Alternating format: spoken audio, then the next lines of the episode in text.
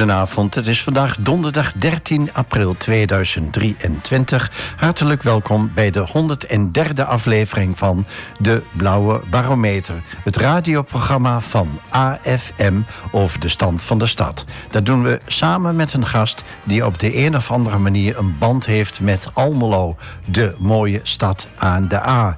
De techniek is in handen van Tobias en mijn naam is Henk Kooi. Vandaag is de gast Nienke Veurink gemeenteraadslid voor LAS, Lokaal Almelo Samen. Hartelijk welkom Nienke en fijn dat je te gast wilt zijn in de Blauwe Barometer. Goedenavond, dankjewel dat je hier mag zijn. Uh, je bent uh, volgens mij het jongste raadslid ooit in de Almeloze gemeenteraad. Nou, ik was 21 toen ik begon. En ik weet niet of dat de jongste ooit was, maar het was wel jong. Uh, hoe ben je überhaupt bij LAS gekomen? Um, ik zat eerst in de jongerenraad van Almelo. En toen gingen wij op een avond gingen wij lobbyen bij verschillende partijen.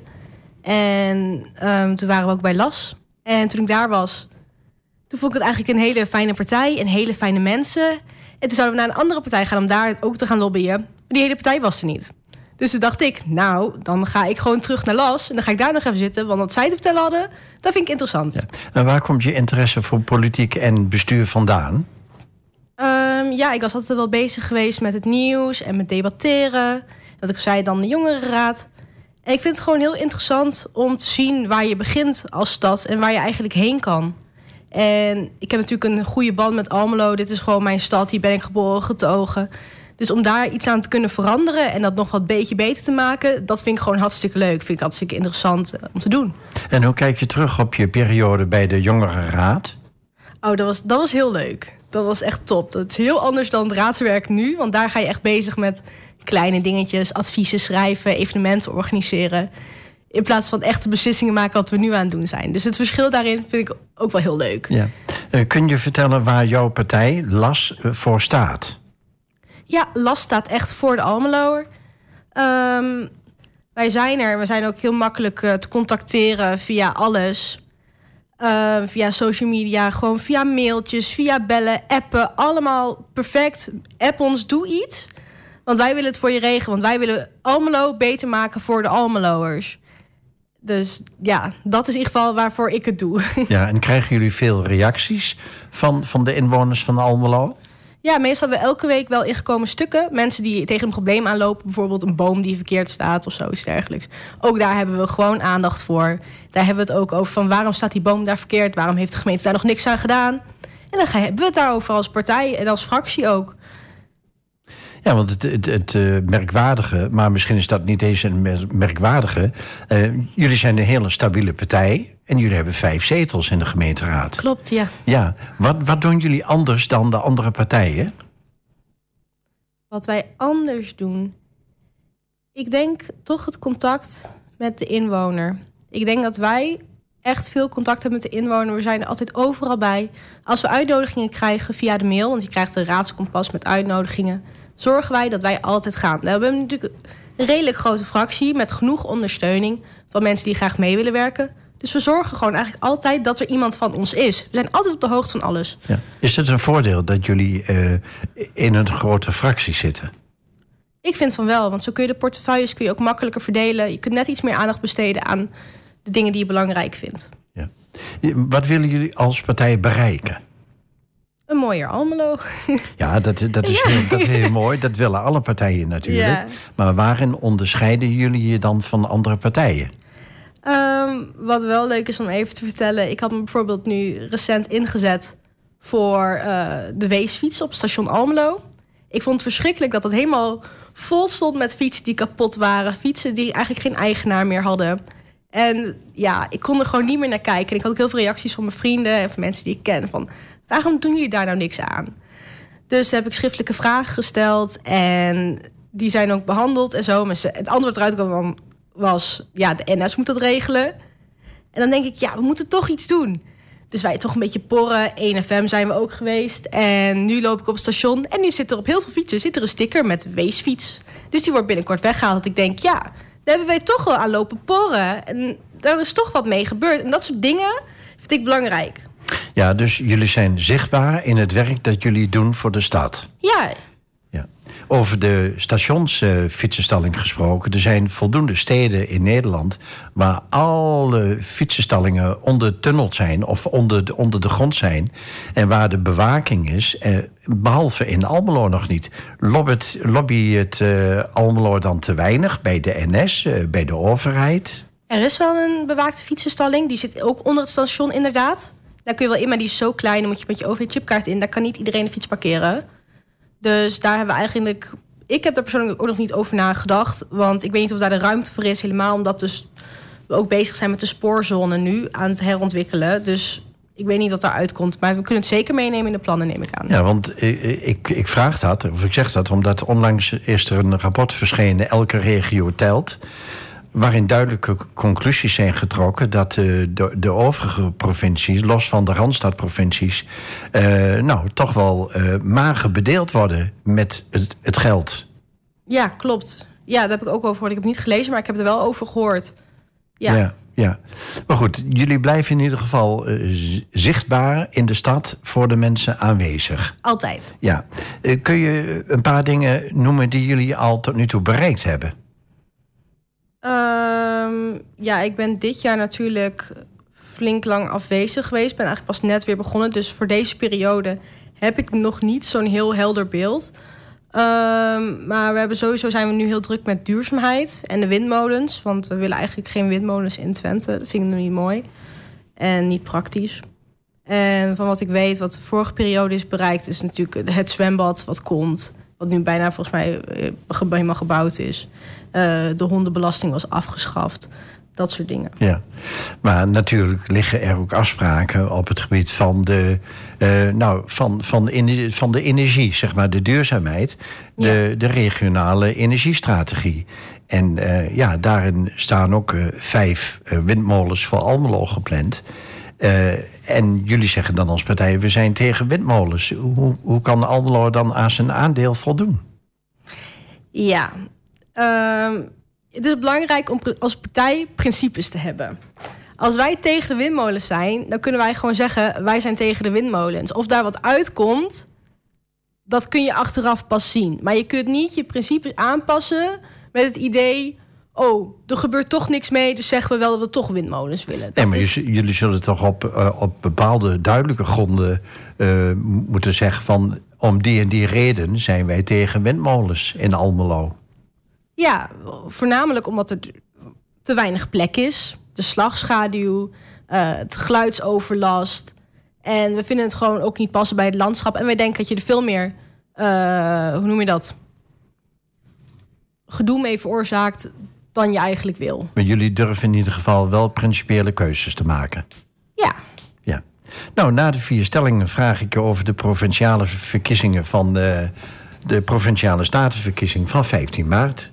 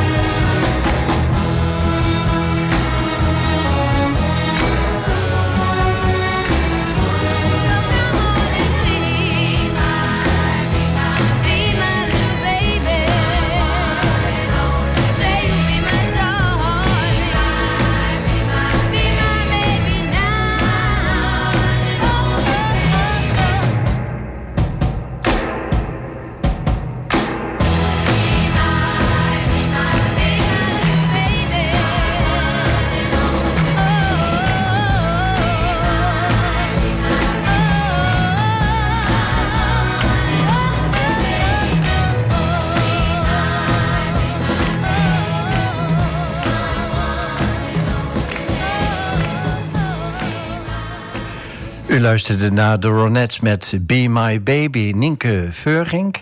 Um, we gaan naar de eerste van de vier stellingen. Okay. Uh, stelling 1. Ik had ook wel voor een andere partij in de gemeenteraad kunnen zitten. Oneens. Helemaal oneens. Want, leg dat eens uit. Um, zoals ik al eerder heb verteld, Las sprak mij echt aan. De mensen spraken mij aan. Dat het feit dat het lokaal was, sprak mij aan.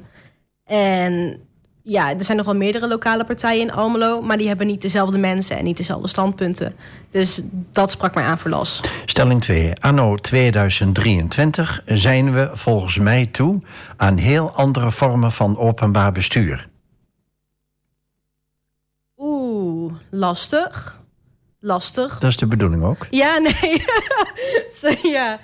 Nee, um, ik denk het openbaar bestuur dat er wel aanpassingen gemaakt kunnen worden. Dus ik ben het wel, wel een beetje mee eens. Want je ziet gewoon dat de democratie achteruit gaat. Mensen stemmen niet. Mensen die, die vinden het niet meer interessant. Dus als er iets in zou veranderen, zou het misschien weer interessant worden. Want dat doet verandering. Hoe, op welke manier, dat zou ik niet weten. Maar ik neem aan dat jullie het in de fractie daar ook wel eens uh, over hebben met elkaar. Niet waar ik bij was. Nee, nee, nee. Maar je, je, trekt in ieder geval wel de conclusie dat, uh, dat er andere um, vormen van openbaar bestuur noodzakelijk zijn in deze turbulente tijden. Om het zo maar te noemen. Noodzakelijk zou ik het niet noemen.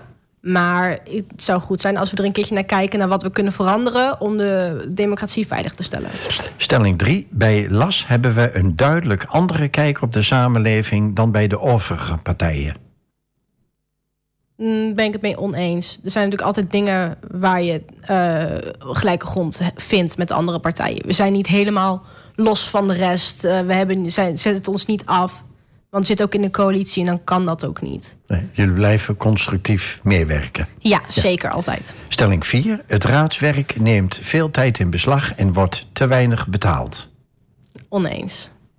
Um, ik vind dat het raadswijk, raadswijk, raadswerk uh, neemt wel veel tijd in beslag, maar ik vind ook dat we daarna betaald worden. Ja. En jullie hadden als LAS een Twentse samenwerkingsverband voor de provinciale statenverkiezing van de 15 maart. En jullie waren verenigd in Samen Lokaal Twente.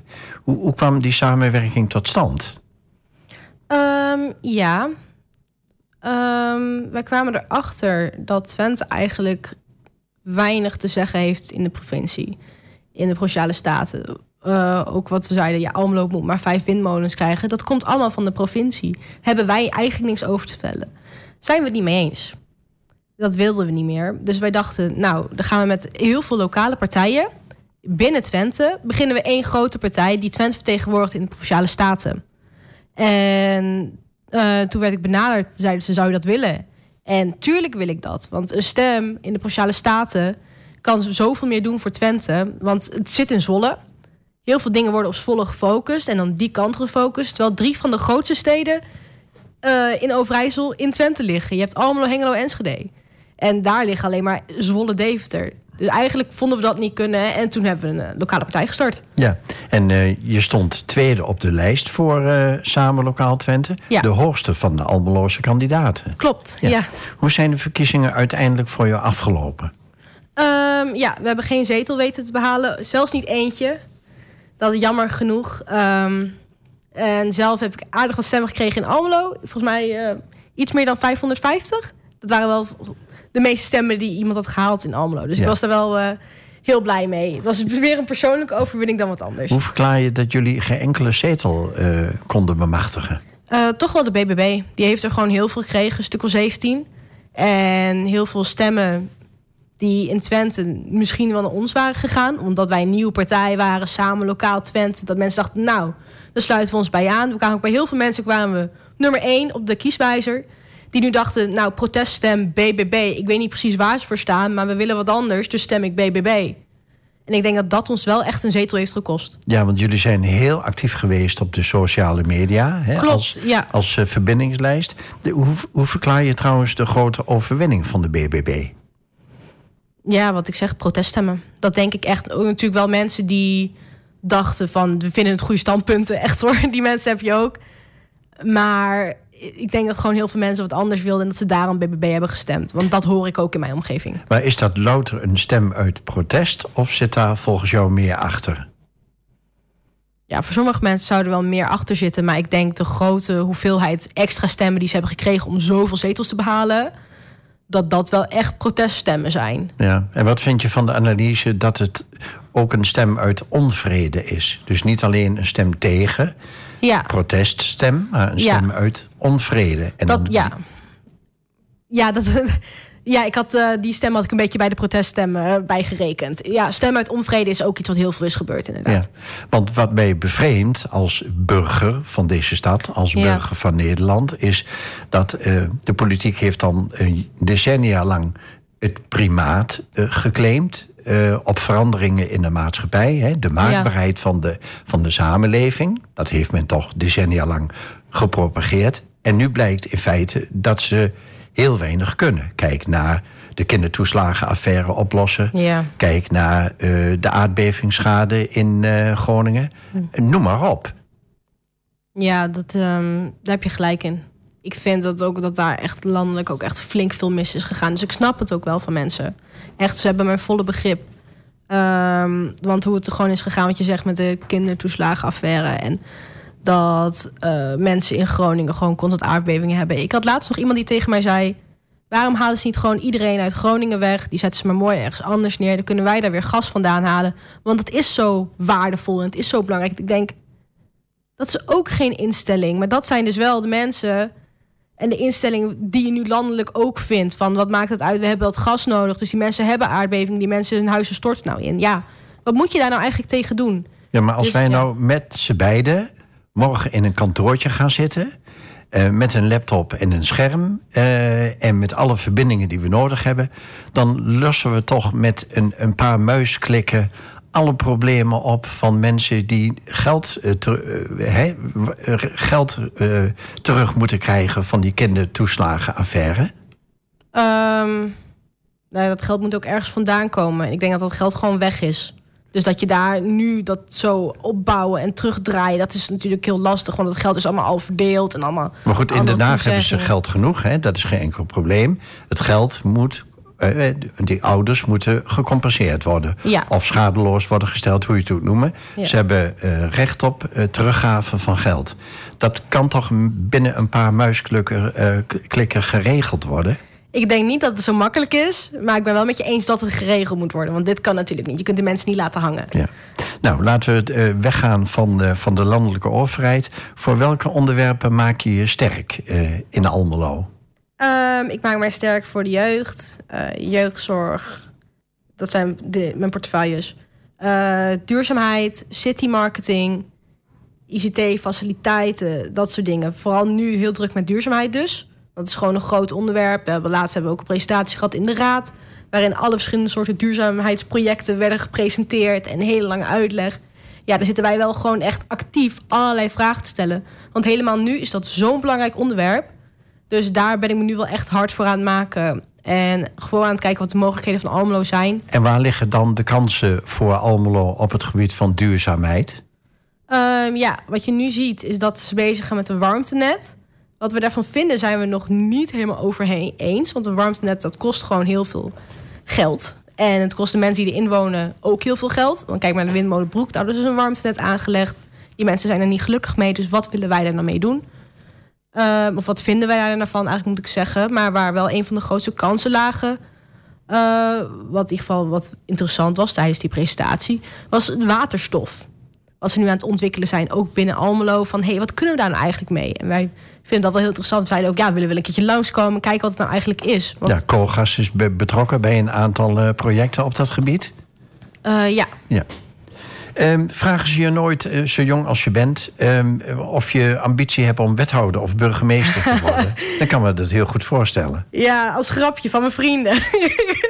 Nienke, hier, uh, word jij, jij wordt toch burgemeester? Dan, ik zit, ja, weet je, ik zit er net een jaar bij, nog niet eens een jaar. Maar waarom, dus, waarom, waarom zeggen ze dat, denk je? Dat zullen ze toch niet voor niks zeggen? Dat is waar. Ze zien wel dat ik ambitie heb en dat ik het naar mijn zin heb en dat ik echt leef wel, ook wel voor mijn partij en mijn politiek. Dus... Um, ja, maar ik vind het wel heel leuk uh, om echt voor een partij me in te zetten.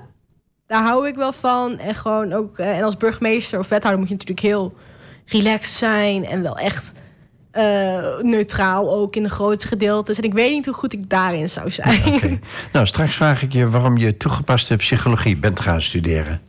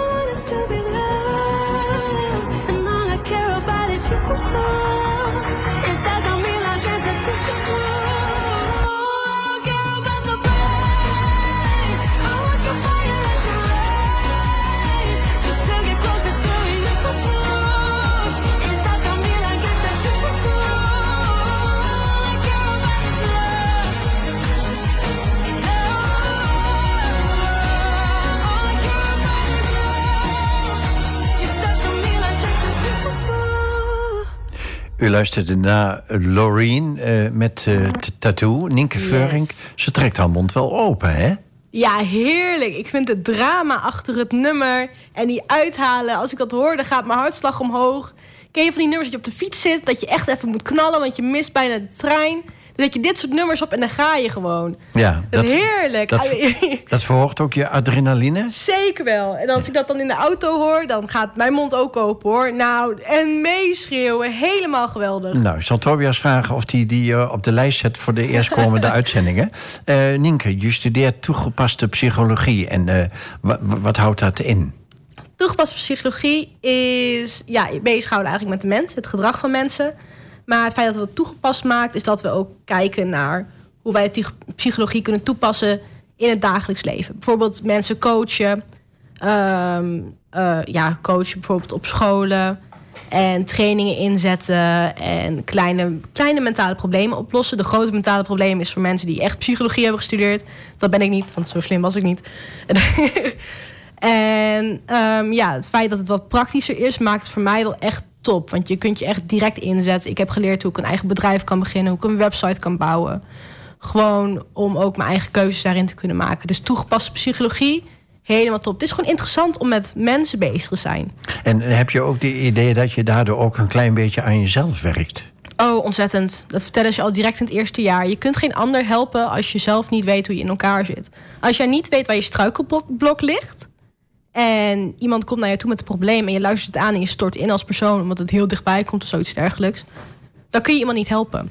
Wat was een mooie ontdekking tijdens je studie? Oeh, uh, wat ik heb ontdekt, recent nog, is dat ik ondertussen ook een beetje afgestompt ben. Ken je dat, dat uh, als je zoveel hoort van andere mensen en met zoveel dingen geconfronteerd wordt, op een gegeven moment ga je er met een bepaalde blik naar kijken. En dat heb je ook nodig om anderen te kunnen helpen, want je kunt niet altijd emotioneel zijn als je dit soort werk doet. Maar ik merkte wel dat toen iemand uh, wat tegen mij vertelde, dat ik dacht, dit is eigenlijk heel erg.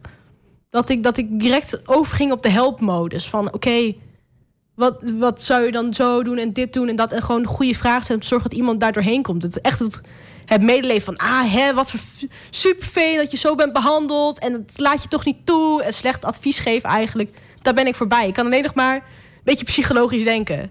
Ja. ja. Nou, dat is op zich wel heel mooi dat je dit zegt. Want dat geeft precies aan dat, dat een ander vaak zijn of haar verhaal kwijt wil. En wij komen dan gewoon met oplossingen aan. Hè? Wij, wij gooien die reddingsboei toe. Ja. En dan denken we dat een ander daar meer gebaat is. Maar ik denk dat een, een actieve houding van belangstelling en luisteren... Oh, zoveel belangrijker. Ja, dat, dat vind je zelf? Dat vind ik, ja, vind ik zelf. Want heel veel wat wij kunnen als mens... doen we eigenlijk al zelf. Ook in de reflectie. Wij leren ook heel veel reflecteren. Van waarom reageer ik zo? Waarom heb ik dit zo gedaan? En andere mensen die er niet zo in staan, die maken die stap vaak niet. Wat zou ik nog kunnen doen om dit te kunnen veranderen? Wat, heb, wat ligt binnen mijn controle? Wat is gewoon mijn comfortzone? Wat ligt daar buiten? En alleen door een paar goede vragen te stellen of gewoon actief te luisteren, kun je mensen al vaak zover krijgen dat ze zelf gaan nadenken. Dat ze denken: oké, dat ze het gaan relativeren, dat ze ermee bezig zijn en dat het zo eigenlijk al voor de helft is opgelost een, een reddingsboei toewerpen is niet verstandig. Nee, maar het brengt je ook verder in diepere lagen van de mens, neem ik aan. Ja, ja, want je kunt het wel even kort oplossen. En uh, je kunt even boos worden met elkaar. Van dit en dit is er gebeurd. En uh, oh, we zijn we boos. Maar daarna ga je weer uit elkaar en ligt iemand alsnog laten huilend in zijn bed. Werkt de studie uh, verhelderend of confronterend? heel verhelderend en confronterend. Ehm, ja, we hebben altijd. Iedereen heeft zijn moeilijke momenten. Um, ik heb ze zelf ook gehad. En om daar dan zeg maar naar jezelf te kijken van waarom vind ik dit moeilijk? Waarom ben ik hier zo op gefocust? Waarom ben ik hier zo mee bezig? Uh, ja, dat is, dat is confronterend, maar je weet ook dat je er doorheen moet. Want je wil niet dat het blijft hangen, dat je het wegstopt en dat het over een jaar terugkomt, dat het de laatste druppel is en dat je dan helemaal instort als persoon, dat je in een burn-out terechtkomt. Zo doen, doen jullie ook veel groepswerk? Um, groepswerk, ja, verschilt eigenlijk waar je mee bezig bent. Ik vind persoonlijk trainingen geven heel leuk. Um, ja, vooral over bijvoorbeeld, um, hoe noem je dat? Zelfliefde en zo.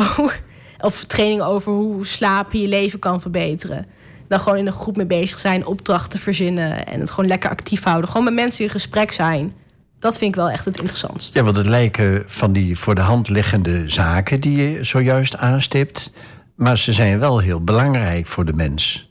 Ja, vind ik wel. Ik vind sowieso uh, met jezelf bezig zijn als mens vind ik heel belangrijk. Iedereen kan zeggen dat is uh, selfish. Um, egoïstisch. Egoïstisch, dat is egoïstisch. Je moet bezig zijn met anderen. Je moet anderen uh, voorop zetten. Maar ik vind dat je echt jezelf voorop moet zetten als persoon. Ja, want voor de uitzending uh, hebben we even een gesprekje gehad. En toen zei je ook van, je kunt alleen maar van een ander houden als je van jezelf houdt.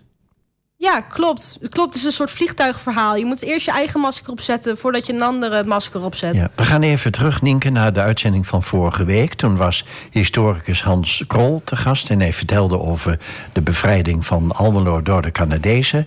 En hij stelde jou de volgende vraag. Ben jij ook van mening dat het absoluut noodzakelijk is om de kanaalsprong, de uitbreiding van XXL onmiddellijk stop te zetten? Nou, uh, ik denk dat stopzetten, het is nu al zo ver dat dat zou ook niet meer lukken.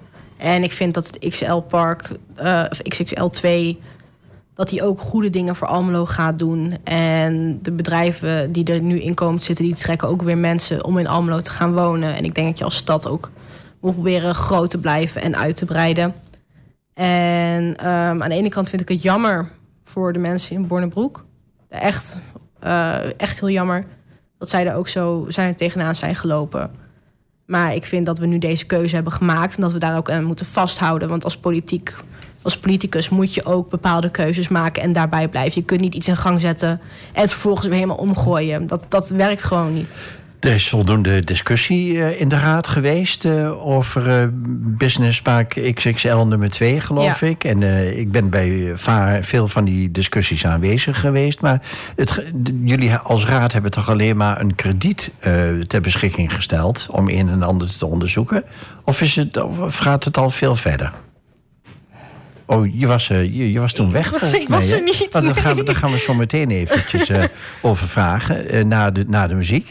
Ehm, goed, dat vergeef ik jou, want dat had je gewoon niet kunnen weten. Dus, maar ik wil je wel even in de gelegenheid stellen om een vraag te stellen. Een algemene wordt het dan aan de gast van volgende week. En die is nog niet bekend, maar je mag nu je gang gaan. Wat vindt u van de komende evenement, eh, evenementen in Twente en Almelo? Nou, goed, dat is toch een mooie vraag om die zomaar ja, te plekken vooral die, uh, te, die, te, te, tussendoor vond ik wel ja, heel nee, nee, dat geeft het niet. nou, maar zo, zo dadelijk vraag ik je... Uh, nou, stel ik je een aantal vragen over je stageperiode in Ierland. Ja. Ik ben op de en je weet dat ik bij jou rust ben. Dus waar je dan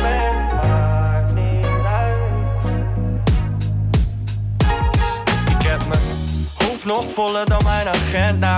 Die ringen op mijn stuur zijn elke cent waard. Want iedere avond als ik instap, geeft mijn navigatie automatisch jouw adres aan. Dus nu ben ik onderweg, kan niet wachten tot je zegt. Nee, liever toe was je dag vandaag. Ik wacht al kilometers lang op haar. Hey, lieve ik ben op de terugweg. Want je weet dat ik bij jou alleen maar rust heb. Dus waar je dan ook bent, maakt niet uit.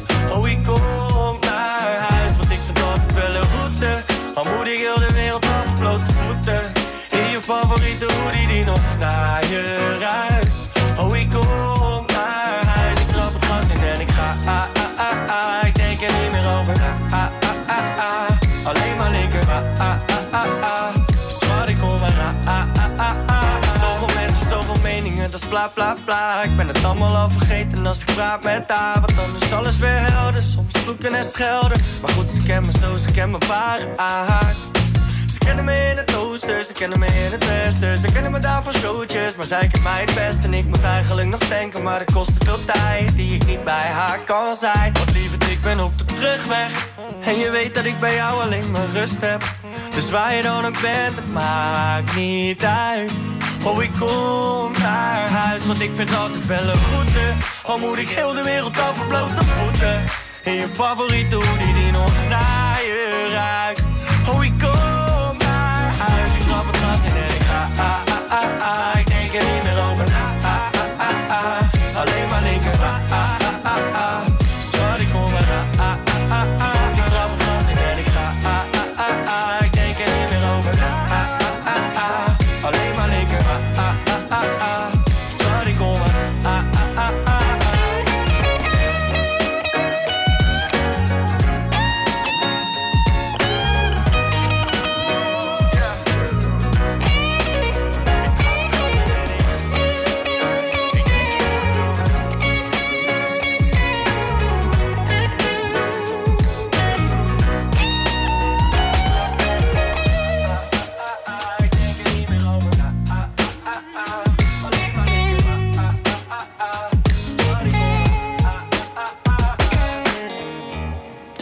luisterde naar Snelle met Terugweg. En uh, Nienke Veurink heeft dit tweede nummer van haar aangevraagd. En nou, je wilt daar best wel iets over vertellen, hè? Ah, lekker nummer. Dat gitaarsolootje erin. Ik zit dan in de auto en dan hoor ik dit. En dan ben ik ook gewoon klaar om naar huis te gaan. En gewoon relaxed te zijn na een lange dag. Denk, dan hoor ik dit. Dan, uh, ik ben op de terugweg. En dan denk ik, yes we gaan naar huis en we gaan het gewoon. Uh, we zijn positief vandaag. We houden het goede moed erin. Eh, dus uh, waar Loreen je opzweept met uh, tattoo, zorgt yeah. sneller met terugweg voor de ontspanning. Zeker, ja. ja. Nou, een aantal weken geleden mochten we jou interviewen voor Avisie over yeah. je stageperiode in Ierland. En dat mag je nu nog eens even dunnetjes over doen, want je bent vijf maanden weg geweest. Uh, waar was dat precies? Ik ben begin september ben ik vertrokken naar Dublin in Ierland eh, voor mijn studie toegepaste psychologie. Ik heb voor een buitenlandse stage gekozen. Ehm, ik heb een buitenlandse stage gekozen omdat ik heel graag wat meer van de wereld wilde zien. Eh, en Ierland leek mij daarvoor de beste plek. Ik had ook hele veel goede dingen gehoord van de Ieren, over de Ieren. Dat hele leuke mensen waren. En, eh, dus ik kwam in Dublin aan.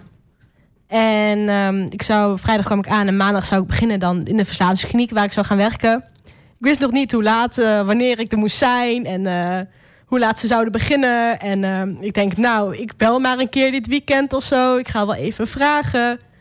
Of ik ga er wel even langs. Ik weet het niet. Maar dat is echt, echt Iers. Gewoon lekker ontspannen. We zien wel wat er gebeurt. Dus je, je stond daar met het koffietje voor de deur. Je belde aan en zei... "Um, I'm Nienke Veuring from Holland. Zo ben ik maandagochtend inderdaad erheen gegaan. Ik heb gezegd, hi, I'm Nienke. I'm an intern here. Can, you, uh, can I come in? This is my first day. En uh, ja, ik denk dat alleen de baas wist dat ik kwam. En de rest van de staf had geen idee dat er een, uh, dat er een stagiair kwam. Dus uh, ja, het was een verslavingskliniek, de SIL Project. Voor, alleen voor vrouwen. Dus vooral met drugs en alcohol. Uh, rook zijn we niet aan begonnen, want iedereen rookt daar. En het is ook een manier om de verslaving onder controle te houden. En ze werkt met allemaal verschillende groepen. Wat En heel... wat, eh, wat, was er nog een speciale reden dat je voor deze verslavingskliniek hebt gekozen? Um, ik had verteld in mijn eerdere uh, gesprek met mensen die dus voor deze stage hebben gezorgd van ik wil graag met vrouwen werken. Het leek me heel interessant om echt die dynamiek mee te maken van wat zou de, een hele groep vol met vrouwen, hoe zou dat werken? Hoe zou dat? Hier werk ik natuurlijk voornamelijk alleen met mannen. en ik vroeg me af wat zou gebeuren als je vrouwen met echt problemen zeg maar, bij elkaar zou zetten. En daar ben ik achter gekomen. En het is een, was een hele gemoedelijke sfeer. 27 jaar bestaan ze al, nul geweld. Dat, uh, dat is 27 jaar geweldvrij. Iedereen is welkom, iedereen kan komen. Krijgen allemaal eten, ze krijgen groepen, ze gaan Ja, zingen op straat. Vertel eens hoe, hoe, een, hoe een dag eruit zag in, in, die, in die kliniek. Um, op maandagochtend bijvoorbeeld ging ik altijd kunst doen. En dan kwam er gewoon een groep van een stuk of acht mensen... en dan gingen we gewoon iets kunstigs doen. Wanneer heb je nou echt de laatste keer de tijd genomen... om te gaan zitten en gewoon iets stoms te maken... of te tekenen of te schilderen? Wie doet dat eigenlijk nog? Ja, op de basisschool misschien. Dus toen we daarmee bezig waren, dacht ik echt... nou, wat is dit? Maar geweldig, want er komen verhalen uit die mensen... terwijl je aan het tekenen bent... maken ze hele hu- droomhuis voor zichzelf... die ze nu niet kunnen veroorloven... omdat ze ergens in een hostel wonen met tien mannen. Eh, of dat ze zwanger zijn en op straat leven of zoiets dergelijks. En dan zie je gewoon hun dromen naar buiten komen. Dat zag je eigenlijk in alles wat ze deden. Ze hadden ook groepen voor mensen die in de gevangenis hadden gezeten. Vrouwen die in de gevangenis hadden gezeten. Die wilden reïntegreren. En groepen voor vrouwen die te maken hebben gehad met huiselijk geweld. Want Ja, want met dat kunstzinnige raak je aan het gevoelsgebied van de vrouwen. Zeker waar. Eigenlijk alles wat we deden raakte aan het gevoelsgebied. Eh, het, het- ja, het was gewoon heel emotioneel om daar te werken. En dat vond ik wel heel lastig. Want het is natuurlijk moeilijk om aan de ene kant te horen... je moet afstand houden van school. Je moet afstand houden. Je kunt niet een band beginnen met deze mensen. Je bent over vijf maanden weg. En aan de andere kant vertelt je baas daar... Nienke, duik erin. Leer deze mensen kennen. Zorg ervoor dat ze jou kennen. Want als je dat niet doet, vertrouwen ze je nooit En was dat een goede aanpak? uiteindelijk is de aanpak van mijn baas wel eh, goed geweest. Want ik heb echt een band opgebouwd. Ik ga deze zomer ga ik ook terug. Even weer hoi zeggen met een vriendin van mij. Ehm, maar het was gewoon heel lastig ook om doei te zeggen. Ja. Als je nou deze stage kunt of moet aanraden eh, aan iemand, wat zou je dan zeggen? Ik zou zeggen, eh, ga vooral naar Dublin, naar Ierland. Ze zijn daar zo welcoming. Ze komen allemaal, staan, iedereen staat voor je klaar. Kerel in de taxi die heeft mij nog geholpen met mijn oorontsteking. Dus om maar even iets te noemen. En deze stage zelf, het is zoveel leuker dan ik had gedacht. Wie had gedacht dat toen ik zei ik ga naar Dublin in verslavingskliniek werken... dat ik op straat zou komen te zingen met deze vrouwen en een gitaar en een box... of dat ik in een galerij zou rondlopen naar vloerkleed op een, op een muur te kijken. Dat ik denk, ja, en dit vind ik leuk. Nooit gedacht. Barbecues erbij en alles. En Supermax. En echt helemaal top. Ik, gewoon de ervaring om helemaal alleen ergens anders te zijn. Zou ik iedereen aanraden. Ja. En eh, het, het was natuurlijk de bedoeling dat deze vrouwen na verloop van tijd weer de, de samenleving ingaan. Ehm, nee, dat was niet de hoofdzakelijke bedoeling van de uh, verslavingskliniek. Het is harm reduction. En harm reduction houdt in... we gaan je niet van je verslaving afhelpen. Dat is niet het hoofdzakelijke doel. Het hoofdzakelijke doel is zorgen dat je ermee kan leven. We gaan de kwaliteit van leven omhoog gooien. Als iemand uh, bijvoorbeeld heel veel aan de methadone zit... en daar in één keer mee moet stoppen... dan kan het voor diegene heel vervelend zijn. Tuurlijk is dat vervelend. Maar de kwaliteit van leven zou beter zijn... als we waarschijnlijk nog in kleine doses door zou gaan. En dat zou reguleren. Want het constante proces van afkicken, clean zijn... en dan weer opnieuw terugvallen, weer verslaafd raken... weer afkicken, weer clean zijn... dat is geen kwaliteit van leven. En voor sommige mensen is die kleine dosis aanhouden... de enige oplossing. Dus daar stonden we echt voor. Dat betekende ook dat mensen dus met... of onder invloed naar de kliniek mochten komen. Ja. En na vijf maanden moest je weer naar Nederland. Ja. Hoe, hoe ging het afscheid, uh, Nienke? Oh, huilen. Iedereen huilen. Nee, ik had ook een akkefietje gehad met een van de vrouwen die had mij bedreigd. En dat was een beetje vervelend. En op de, de kliniek zelf en de, mijn basis hadden daar niks aan gedaan. Wel misschien een gesprek met haar gehad, maar zij heeft gezegd: heb ik nooit gedaan. ik denk: oké, laat ik het ook gaan, weet je. Op de laatste dag heeft ze helemaal voor mij een glitterkaart gemaakt. Met sorry, ik denk nog elke dag aan wat ik heb gedaan. En het spijt me nou. Toen moest iedereen huilen. Van Nienke, oh, we gaan je missen. We hebben... Want het is natuurlijk voor hun ook heel gek dat iemand voor vijf maanden komt en dan in één keer uh, weer weggaat. Ik had één vrouw die zei tegen mij: Ik hecht me niet aan studenten, want ze zijn toch weer weg. En uiteindelijk ben ik nog met die vrouw mee geweest, haar spiraaltje eruit laten halen. Weet je, je wordt toch op de gekste plekken gegooid en je bouwt een band, of je nou wil ook niet. Ja, wij Nederlanders willen graag leren van een bepaalde periode. Uh, zijn er nog bepaalde inzichten die je in al die vijf maanden hebt opgedaan? Um, mijn inzicht is dat ook al is het leven zeg maar heel zwaar, je kunt in elk hoekje wel een beetje geluk vinden. En ik vind ook dat we in Nederland veel te hard gaan, dat we veel te veel proberen te doen. Daar was het gewoon s ochtends: hey jongens, zullen we op straat gaan staan zingen? Zullen we hier vandaag heen gaan? En dan was het: ja, laten we dat doen. Wordt dit en dit geregeld? Oh, ik koop wel een treinkaartje. Helemaal goed. Als je hier een keer ergens heen wil, dan moet het twee weken van tevoren gepland staan. De treinkaartjes zijn van tevoren gekocht. Iedereen moet op tijd zijn, anders gaan ze weg zonder je. Dat is gewoon geen manier om een groep te hebben en met elkaar om te gaan, vind ik. En dat, dat mis ik hier wel. En dat vond ik daar helemaal top. Ik kan me voorstellen dat je na terugkomst aan je fractieleden of je medestudenten je verhaal hebt verteld. Um, ja, dat, vond dat heb ik wel geprobeerd. Maar het is zo moeilijk om van zo'n periode waarin je zoveel hebt gedaan en zoveel hebt geleerd. En eigenlijk ook veranderd bent als persoon dat ze dan zeggen, hoe was Dublin? Je denkt, ja, het is zo'n verhaal. Hoe kan ik daar aan beginnen? Dus ik heb wel hier en daar wat dingetjes verteld. Maar het is toch wel iets wat ik grotendeels in mijn hart hou. Nou, uh, voor heel veel vrouwen ben je vast uh, een engel geweest.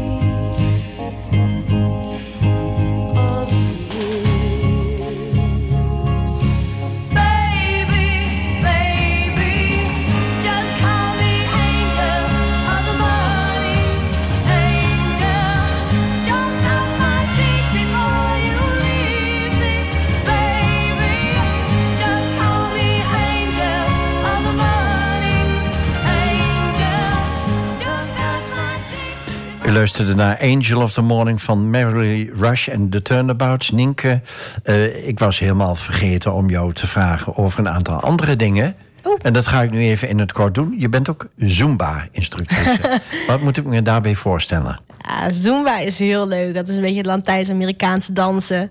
Dus elke zondagochtend van uh, half twaalf tot half één sta ik in de Basic Fit. Lekker met dansjes doen met een groep vrouwen ook, of mensen. Ja, mannen mogen ook komen, ze komen alleen gewoon niet. Wat beleef je daaraan? Energie. Soms kom ik daar, dan ben ik nog een beetje brak van de zaterdagavond... en dan ga ik daar staan. En in één keer ga ik van 0 naar 100.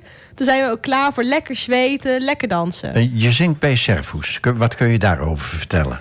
Um, ja, ik zit bij Servoes zit ik in, in het koor. Servoes Muziektheater. En elke keer zetten wij een musical neer. Dus we, we hebben onlangs Creusa gehad. Over een loveboot. En dan hartstikke leuk natuurlijk. Uh. Ja, en uh, hoe waren de reacties van het publiek? Goed, iedereen aan het lachen. En uh, natuurlijk allemaal bekende nummers ook wel erin. Dus zoals You Raise Me Up. En dat raakt iedereen dan toch wel weer. Allemaal de zakdoekjes tevoorschijn. Ja, sommige wel, ja. Je doet ook aan theatersport.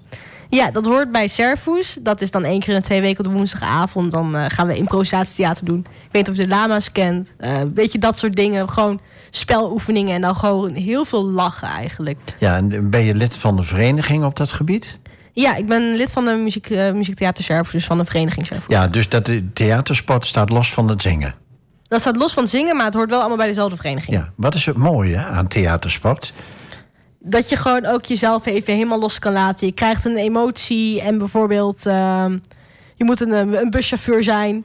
En de, de, buschauffeur heeft een emotie. Zodra je de bus instapt, moet je die emotie overnemen. De eerstvolgende die komt, die heeft ook een emotie. En zodra die de bus inkomt, moet je die ook overnemen. Dus op een gegeven moment zit je ontzettend te ouwehoeren met elkaar. Om, oh, ik ben het meest blij van iedereen. Of oh, ik ben het meest verdrietig. En dat is zo leuk, want ja, je doet gewoon gekke dingen. En in hoeverre heeft het dan raakvlakken met uh, toegepaste psychologie? uh, je zeggen, want ik heb bij toegepaste psychologie heb ik ook dramalessen gehad. dat hoort er wel bij. Uh... Dus het ene versterkt het ander? Of? Ja, nou ja, het is toch, je bent toch bezig met emoties en met elkaar. En uh, het gedrag uh, van. Kijk, als, als jij op een bepaalde manier kijkt, dan kan ik aan jou zien of je verrast bent of gelukkig of iets anders. Ja. Dat doe je met theater. Probeer dat om te zetten. Je helpt kinderen met huiswerk en planning. Kun je daar iets over vertellen? Want dat had ik natuurlijk nooit achter je gezocht. Nee, grapje. Nou, nee. ik werk bij uh, Ting op de Passie in Wierde. En daar help ik uh, kinderen met hun planning maken voor hun toetsweek of gewoon hun normale huiswerk. En dan komen ze bij ons in de klas zitten en ze moeten daar minimaal twee uur zitten. Je kunt er zijn van uh, drie tot zes. En dan gaan ze eigenlijk gewoon hun huiswerk maken. En als ze dan een vraag hebben, dan beantwoord ik die als ik dat kan. En verder zorg ik gewoon dat ze stilzitten en dat ze hun huiswerk maken. Ja, wat maakt dit werk leuk voor je? Ja, ik vind het leuk om te werken met, met uh, jongeren eigenlijk. Met kinderen, jongeren vind ik helemaal top. En over welke leeftijd spreken we dan? Uh, we hebben het hier over, volgens mij zijn ze 15, 16, 17. Dus dat is niet zo heel veel jonger ja. dan ik. Daarnaast heb je me verteld dat je veel leest. Uh, wat voor soort boeken lees je graag? Oh, ik hou echt van die, van die avonturenboeken, van die fantasyboeken. Hetzelfde eigenlijk wat je met theater doet. Je zet jezelf even helemaal aan de kant. Je wordt een andere persoon. Dat heb dus, ik ook als ik een boek lees. Dat is een soort film in mijn hoofd. Dus boeken als The Hobbit en dergelijke? Ik, die heb ik dus nooit gelezen. is heel erg. Maar ik heb de films gezien. En toen dacht ik, nu weet ik al hoe het afloopt. Terwijl ik het boek niet meer lezen. Ja, ja. Zijn er ook over films gesproken mooie films... Uh, waarvoor je een beetje reclame kunt maken bij mij? Oh ja, een van mijn favoriete films is toch wel uh, The Perks of Being a Wallflower. Die heb ik toen uh, lange tijd geleden gezien. Het was, was zo'n huilfilm. Ik hou van huilfilms, van die dramatische films. Ja. Oké, okay, nou, uh, we, we, zijn zo heel langzamerhand aan het einde van de uitzending. We hebben nog één Oeh. blokje. En dan vraag ik je toch een aantal standaardvragen.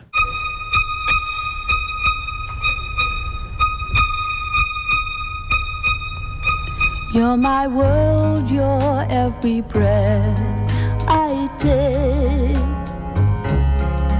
You're my world, your every move I make.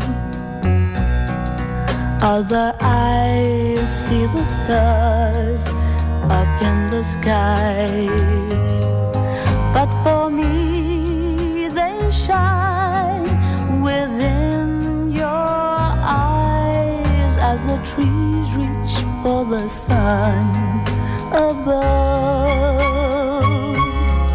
So my arms reach out to you for love. With your hand resting in mine,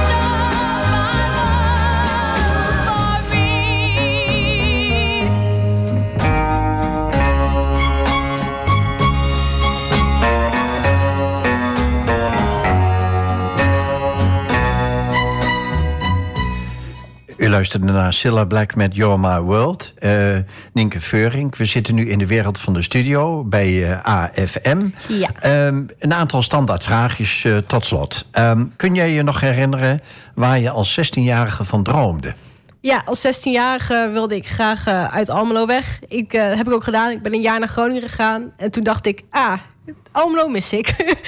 en eh, die droom was eigenlijk ja, gewoon meer een, een, een voorstelling voor mezelf. Maar ik, kon niet, ja, ik kan niet wegblijven. Wat vind je het mooie aan Almelo in het kort? Oh, ik vind het gewoon... De, ja, ik heb iedereen hier zitten. Mijn mensen, mijn vrienden, mijn familie. En de feit dat iedereen... Almelo is gewoon een heel groot dorp, voor mijn gevoel. Met, met de stadsdingen erin. En dat vind ik zo leuk. Ja, is dat een speciale kwaliteit? Ja, ik vind dat als je hier de, de stad inloopt en je komt gewoon iemand tegen die je kent, omdat het nog wel klein genoeg is, maar wel groot genoeg om een winkel binnen te lopen, dat ik denk, ja, dat vind ik een kwaliteit. Gewoon de mensen herkennen, community vormen. Ja, Alsof je een eh, praatje maakt bij de dorpspomp. ja zo ja. Ja. Eh, welke mensen zijn tot nu toe belangrijk voor je geweest? Oeh, eh, belangrijke mensen in mijn leven. Ja, ik denk toch wel mijn ouders. Die zijn op jonge leeftijd, zijn, voor mij zijn die gescheiden. En ik heb aan allebei de kanten heb ik toch wel hele andere visies en dingen meegekregen. En ik denk dat dat mij ook heeft gevormd als mens om de wereld op een tweedelige manier te zien. Ja. Met wie zou je ooit nog eens op de foto willen? Eh, Oeh, Brandon Urie van Panic at the Disco. Vind ik leuk, ja. Bij wie zou je nog een keer op bezoek willen gaan? Oh, op bezoek. Oh, ik, ja, ik wil een keer naar de koningin. Vind ik leuk. Ik heb het laatste verhaal over gehoord van iemand die bij de koningin op bezoek mocht. Dat, dat wil ik ook. Ik hou niet zo van het koningshuis, maar dat wil ik wel eens zien. Ja. Ehm, wat is een belangrijk moment geweest in je leven tot nu toe? Eh, een belangrijk moment voor mij in mijn leven tot nu toe was eh, ja, naar Dublin gaan. Dat is wel echt een van de dingen die voor mij nu zo dicht naar mijn hart staan. Ik kan ook op dit moment niks anders verzinnen. Dublin was echt een belangrijk moment voor mij. Ja. Als je eh, naar een onbewoond eiland zou mogen gaan, wat zou je dan meenemen in de koffer? Eh, Oeh, kleding. Nee, eten. Eten. Eten is een beter antwoord. Ik zou eten meenemen om bij het eiland. Wat is je ideale reisbestemming? Eh, ik wil nog een keer naar Bali. Maar ja, Griekenland is wel mijn favoriete land. Ja. Als je een toverstokje had, wat zou je dan in of aan de wereld willen veranderen, Nienke?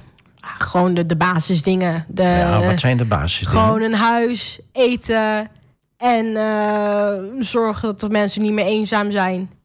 Dat gewoon de, de basisdingen die je eigenlijk nodig hebt als mens. Oké. Eh, tot slot, eh, wat is jouw woord voor de wereld? Wat wil je sowieso kwijt omdat je er vol van bent... of omdat je gewoon vindt dat iedereen dat moet weten? Ik vind dat je. Mijn woord voor de wereld is dat je niet moet voldoen aan verwachtingen. Mensen hebben altijd verwachtingen van: dit moet je doen, dit kun jij wel, dit kun jij niet. Ik vind dat je dat helemaal los moet laten als mens. Ik vind dat je moet kijken wat belangrijk is voor jezelf. Dat je daarmee bezig moet zijn en niet aan anderen moet denken op dat gebied. Dankjewel, Nienke Veurink. Hartelijk bedankt voor het feit dat je te gast wilde zijn... in deze 103e aflevering van De Blauwe Ja, bedankt. Barometer. Ja, super bedankt. Fijn om hier te geweest te zijn. En eh, ja, vond het heel erg leuk. dankjewel. Aankomende zondag om 12 uur wordt het programma herhaald. Op afm.nl vind je onder programma's alle info. Ik bedank Tobias voor de techniek. Meteen hierna om 9 uur komt het programma Soultime. En om 10 uur de draaideur met non-stop muziek.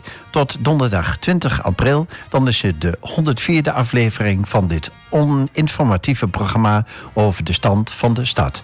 Tot volgende week.